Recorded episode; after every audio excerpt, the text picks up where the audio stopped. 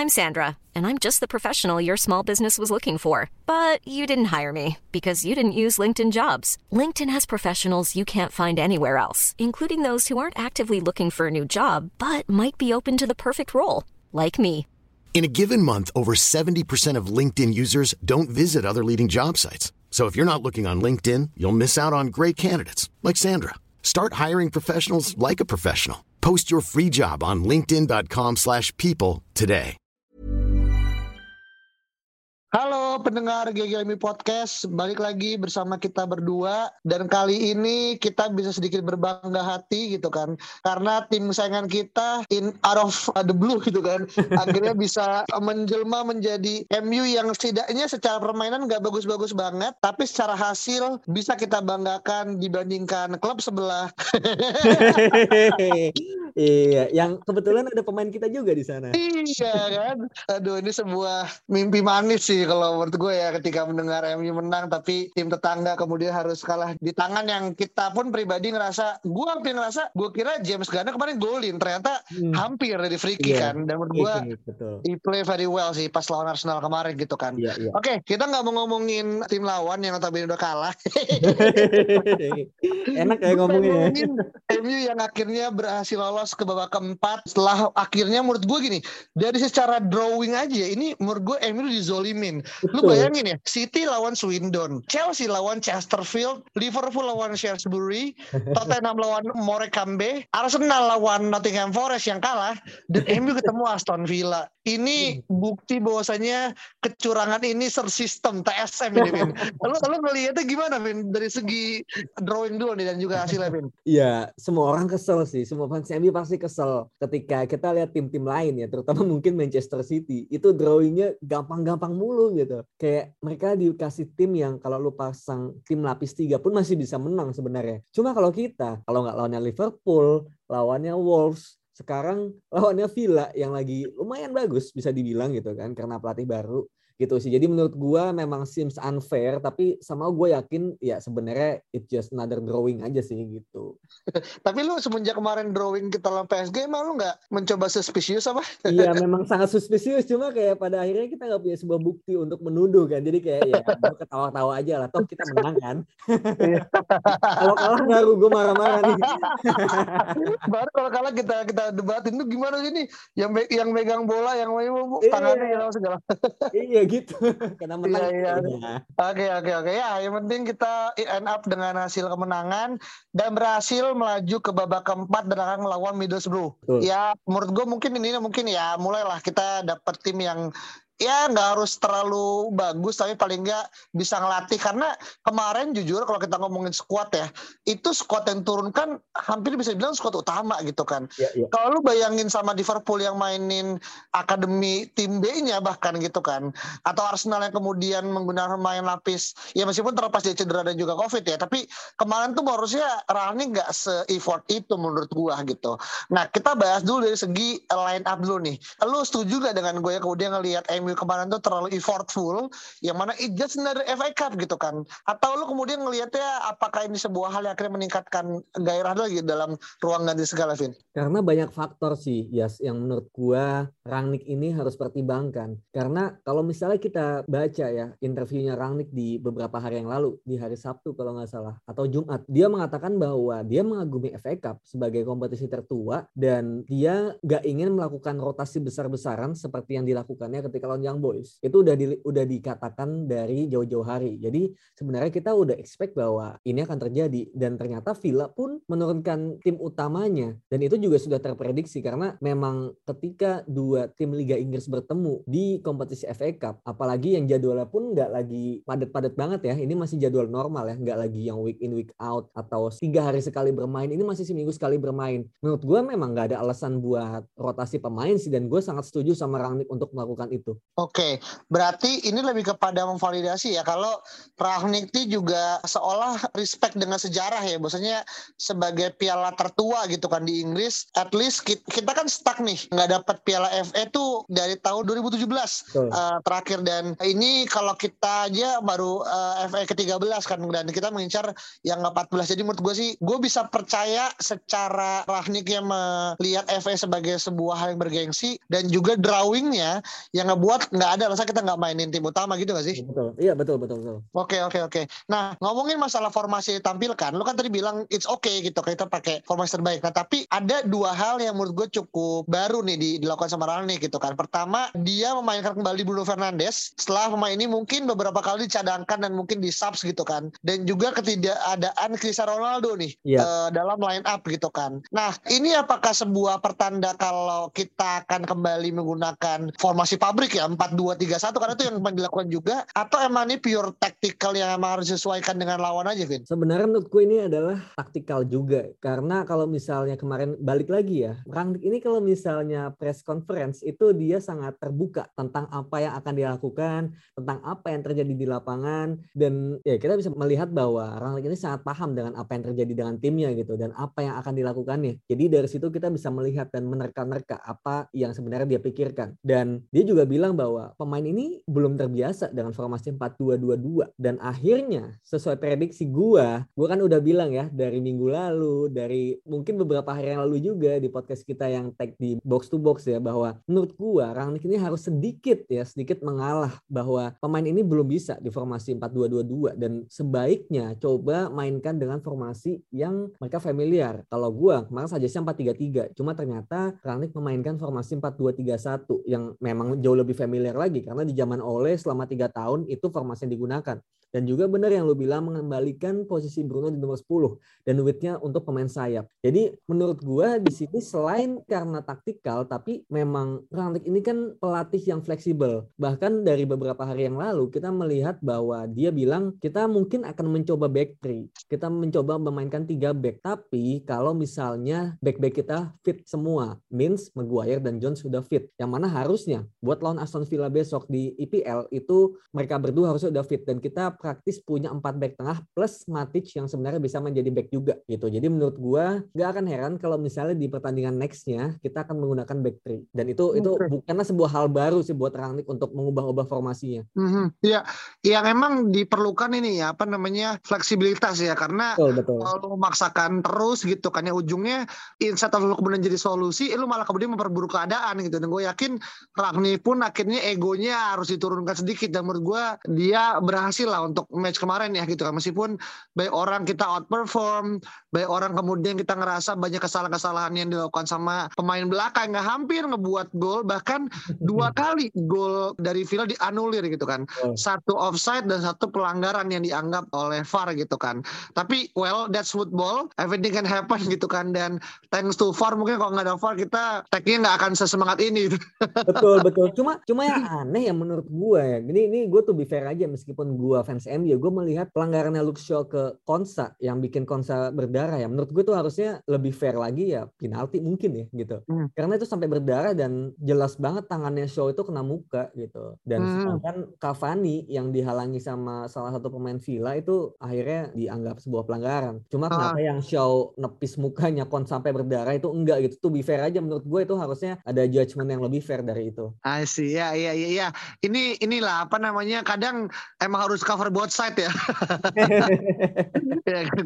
Tapi uh, mungkin ini enggak ini mungkin suatu hal yang nggak boleh didengarkan sama pendengar GGB podcast tapi well tapi ya kita kita harus fair lah gitu kan. Kalau emang kita rasa emang tuh penalti dan mungkin uh, kartu kuning atau kartu merah gitu kan. Tapi ya back again hasil udah menjadi bubur kita menang dan masuk ke babak berikutnya dan banyak hal yang kemudian bisa kita lihat ya dari pertandingan kemarin. Yang salah satunya yang menurut gua berita cukup loss adalah kalau lo lihat kakinya Diego Dalot sempat bolong ya kalau lihat ya. Dia kalau nggak salah kena ujung kaki pulau lumayan lawan dan akhirnya kena operasi dan dikhawatirkan nggak akan bisa main nih di akhir pekan gitu kan. Yang mana ya kita mungkin akan main dengan AWB lagi sebagai bek kanan gitu kan.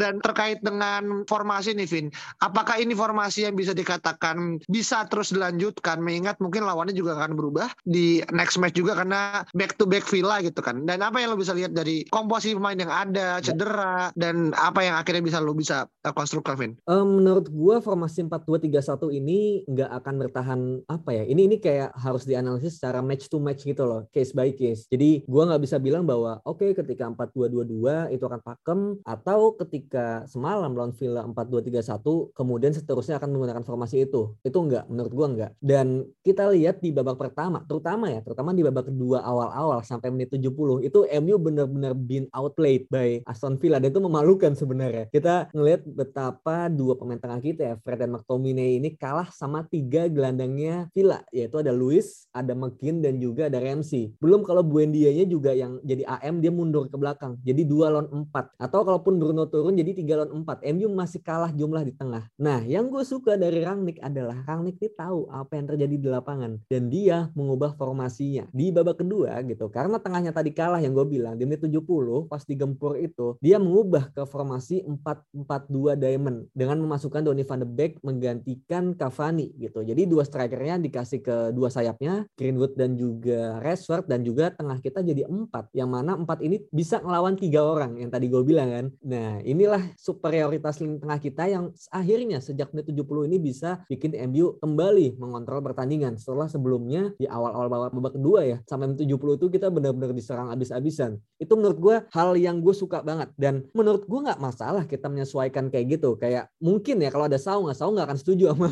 opini gue gitu kan.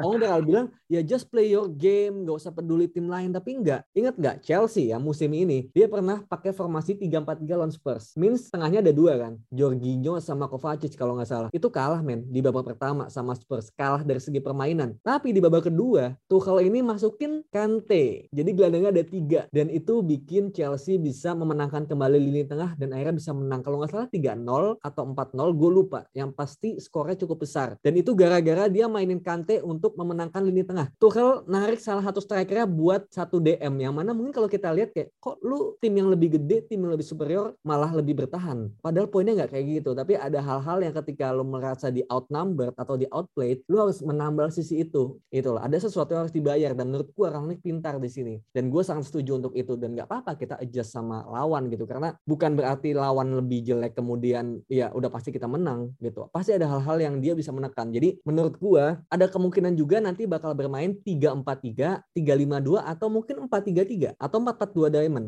gitu. Jadi yang pasti menurut gua 4-2-3-1 nggak akan dipakai lagi dan 4-2-2-2 kemungkinan juga nggak akan dipakai karena bakal kalah di tengahnya sama Villa. Oke, ini menarik ya terkait dengan guta-ganti formasi yang kemudian harus disesuaikan dengan dengan siapa kita bertanding dan juga dengan kondisi apa kita sedang berada gitu kan. Dan menurut gue itu yang akhirnya mungkin tidak dimiliki oleh uh, pelatih sebelumnya gitu kan terkait dengan tactical brilliance. Kalau sebelumnya kan lebih kepada individual brilliance, tapi kan ini kan lebih pada tactical brilliance yang mungkin uh, lu nggak bisa kemudian lakukan ini kalau emang secara pengalaman dan segala macam lu mungkin belum terekspos gitu kan. Bukan berarti yang akhirnya sebelum jelek, tapi kita lebih kepada melihat bagaimana respon pelatih dalam menanggapi sebuah uh, alus pertandingan gitu kan. Yeah, yeah. Nah, masalah pertandingan, satu hal yang gue suka lagi adalah kembalinya Fredinho gitu kan ke dalam starting eleven dan gue nggak tahu ya kayak kemarin tuh pas gue ngeliat golnya McTominay yang dapat assist dari Fred tuh kayak ini another link up play lagi kah gitu kan apakah karena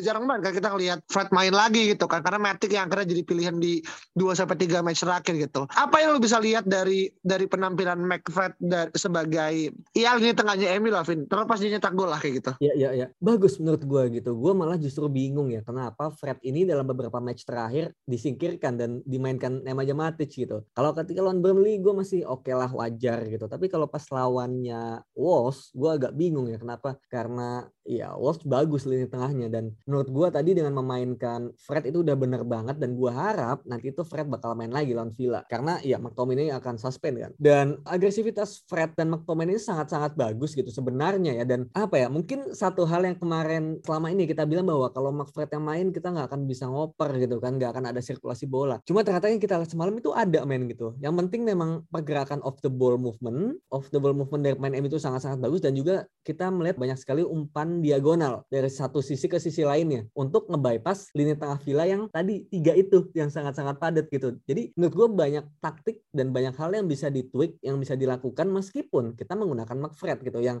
notabene mungkin ya mereka bukan a good passer kayak Toni Kroos atau Luka Modric ya, tapi banyak hal kok yang bisa dilakukan gitu loh. Jadi menurut gue inilah lagi-lagi ya kehebatan Rangnick yang bisa melihat meskipun Fred McTominay ini nggak jago dalam passing, tapi ada hal-hal yang bisa dimanfaatkan dari mereka berdua. Iya, iya, iya. Dan memang ya bener ya kayak menurut gue sih dan ini gue setuju ya dari beberapa cuitan di Twitter ya bahwasanya Fred ini adalah satu-satunya pemain yang kalau boleh dapat garanti dari Ragnik dia adalah orang yang menurut gue mendapatkan sweet spot gitu kan selain mungkin David ya gitu karena penampilan dia gitu. Ragnik kalau memang kita tidak membeli CM lah gitu CM DM atau apa pun di bursa musim ini gitu kan menurut gue he should be play week in week out sih dan semoga dia kemudian bisa membuktikan karena menurut gue ya season ini lah season pembuktian buat McFred gitu kalau emang dia kemudian bisa membuktikan ya musim depan mungkin prioritasnya agak sedikit di dua meskipun gue tetap yakin CM akan datang.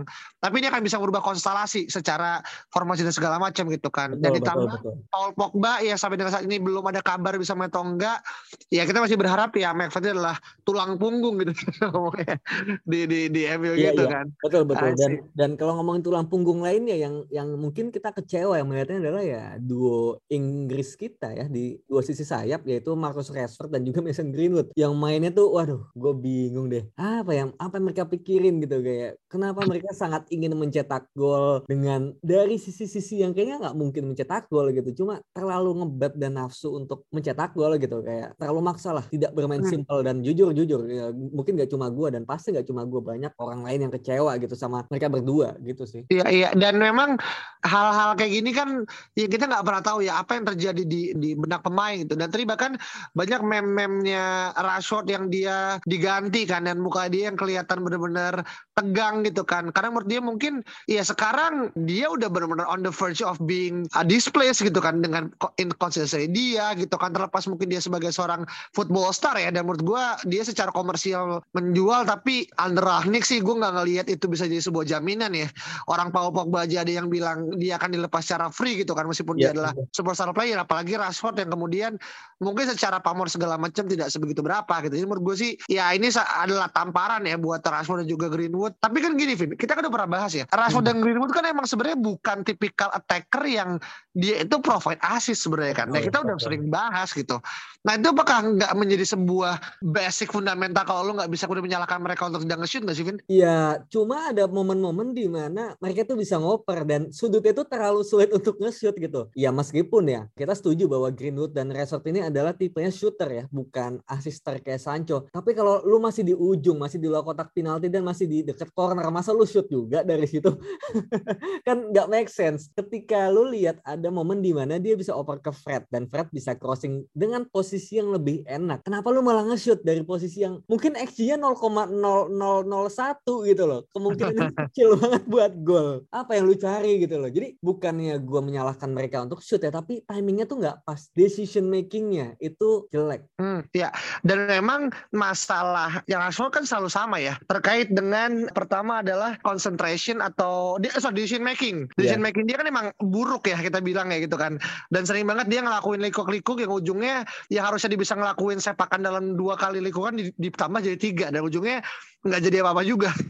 Iya malah counter attack kan.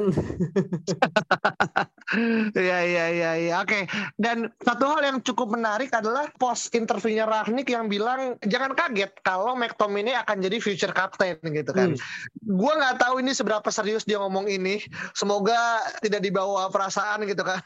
gua karena gue gak yakin kalau Fred eh siapa McTominay adalah kapten masa depan Emi ya mungkin bisa diperdebatkan cuman menurut gue ya bahkan ada yang bilang kemarin di Twitter ketika Tommy golin dibandingkan sama penampilannya James Gardner orang masih tetap menemukan meletakkan James Garner di atas ya Scott McTominay ya gitu kan. Dan itu bisa diperdebatkan. Tapi ini cukup menarik ya terkait dengan membaca apa yang Rahani katakan di post ya, uh, match interview gitu. Dan lu nilai ini apakah sebagai sebuah lip service aja karena simple McTominay nyetak gol dan he deserve the credit atau gimana Vin? Atau lu ada sebuah potensi gak sih di dia? Mm -mm, Kalau potensi gue melihatnya ya dia jauh lebih mirip kepada Roy Keane ya gitu. Lebih ke desire-nya, semangatnya dan powernya gitu. Jadi kayak kayak agresivitas dia itu benar-benar menjadi energi tersendiri untuk MU terlepas dari memang kualitas passingnya pas-pasan banget ya. Cuma ada hal-hal yang pemain lain tuh nggak punya gitu dan mungkin itu juga nggak ada di Fred gitu kayak dia bisa tendangan dari luar kotak penalti dia bisa selalu semangat apa pun yang terjadi kasarnya seenggak mood nggak moodnya McTominay itu nggak akan kayak Rashford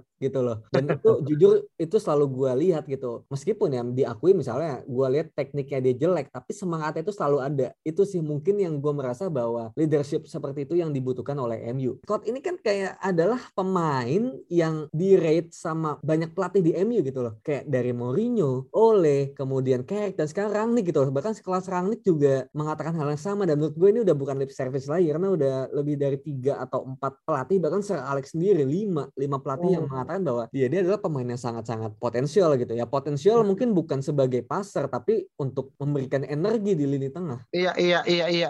Dan menurut gue sih dia dibantu juga dengan fisiknya juga kemudian mendukung juga ya kalau menurut gue ya. Dia tinggi dan juga ini juga. Jadi menurut gue apa yang lo bilang iya dia good lah di passion ya gitu kan. Meskipun kalau kita ngomongin teknikal kita bisa berdebat terkait dengan apakah dia layak untuk yeah. bisa menjadi starting eleven gitu kan. Tapi uh, yang terpasti adalah kemarin dia dapat man of the match karena penampilan dia dan juga nyetak gol dia mengatakan MU untuk masuk ke babak selanjutnya.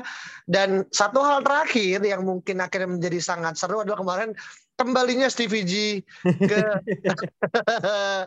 ke tempat yang memang ya dia mungkin satu hal yang mungkin dia hindari adalah Old Trafford mungkin gitu kan karena udah pasti semua orang di sana akan membenci dia gitu kan terlepas oh. Dia berbajunya Aston Villa tetap aja gitu kan nah apa momen yang kemudian lu bisa tangkap dari kedatangan uh, Stevie G pertama kali lagi sebagai pelatih ke uh, Old Trafford Vin Iya, itu kan sebenarnya pertanyaan lu ya di minggu lalu. Apa yang lu lihat dari kembali Stevie G kan? Dan gue memprediksi bahwa pasti pasti akan ada sambutan-sambutan hangat ya quote unquote dari publik Old Trafford gitu yang mungkin lebih ke bukan hangat ya tapi lebih ke sambutan panas gitu dan ternyata kobaran api dari sambutan fans itu ya berhasil melahap Steven Gerrard ya di Old Trafford gitu.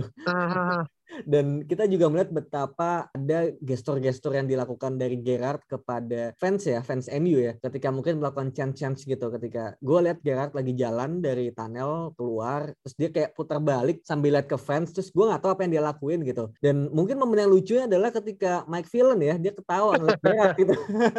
Iya, iya, iya, iya. Ya.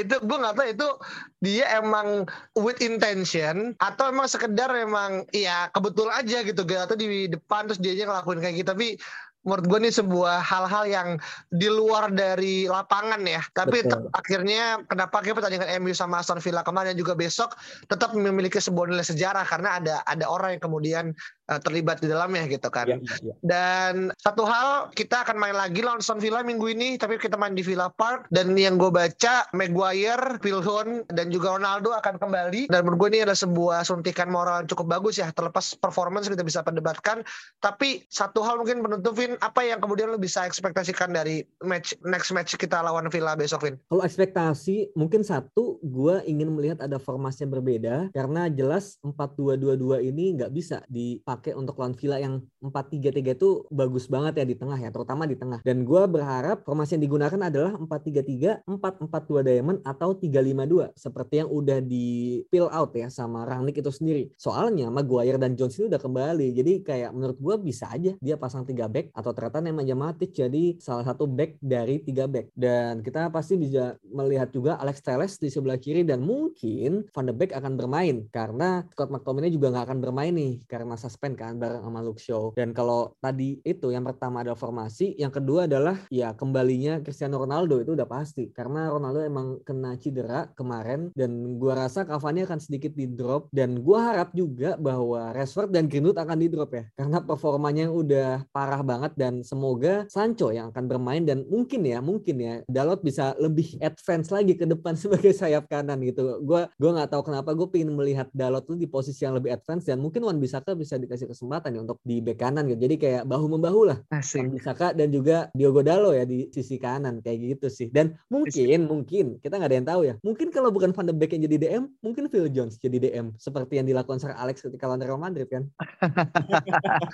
Iya iya iya ya, ini banyak kemungkinan lah ya akhirnya bisa terjadi dan kita menantikan press conference-nya Rangnick ya bisa di hari Jumat terkait dengan apa yang dilakukan gitu kan. Tapi hopefully ini bisa menjadi angin segar gitu kan. Terlepas kita sebagai fans MU yang sekarang sedang udah di bulan Januari tetap berdoa gitu kan. Kalau kita akan tetap mendatangkan satu minimal pemain gitu kan di bagian DM dan banyak akhirnya berita-berita santer yang akhirnya merujuk pada satu nama. Tapi tetap ini masih apa namanya under ongoing proses. Dan itu aja terkait pembahasan tentang Aston Villa review dan juga sekaligus preview. Dan juga kita nggak lupa-lupa untuk teman-teman yang belum follow Twitter kita di @dgmi_podcast. Dan juga jangan lupa kasih rating terbaik teman-teman untuk podcast EGMU di Spotify. Itu aja sekian dari kita sampai jumpa di pertemuan berikutnya dan bye bye. Mom deserves the best, and there's no better place to shop for Mother's Day than Whole Foods Market. They're your destination for unbeatable savings, from premium gifts to show-stopping flowers and irresistible desserts. Start by saving 33% with Prime on all body care and candles. Then get a 15-stem bunch of tulips for just $9.99 each with Prime. Round out Mom's menu with festive rosé, irresistible berry chantilly cake, and more special treats. Come celebrate Mother's Day at Whole Foods Market.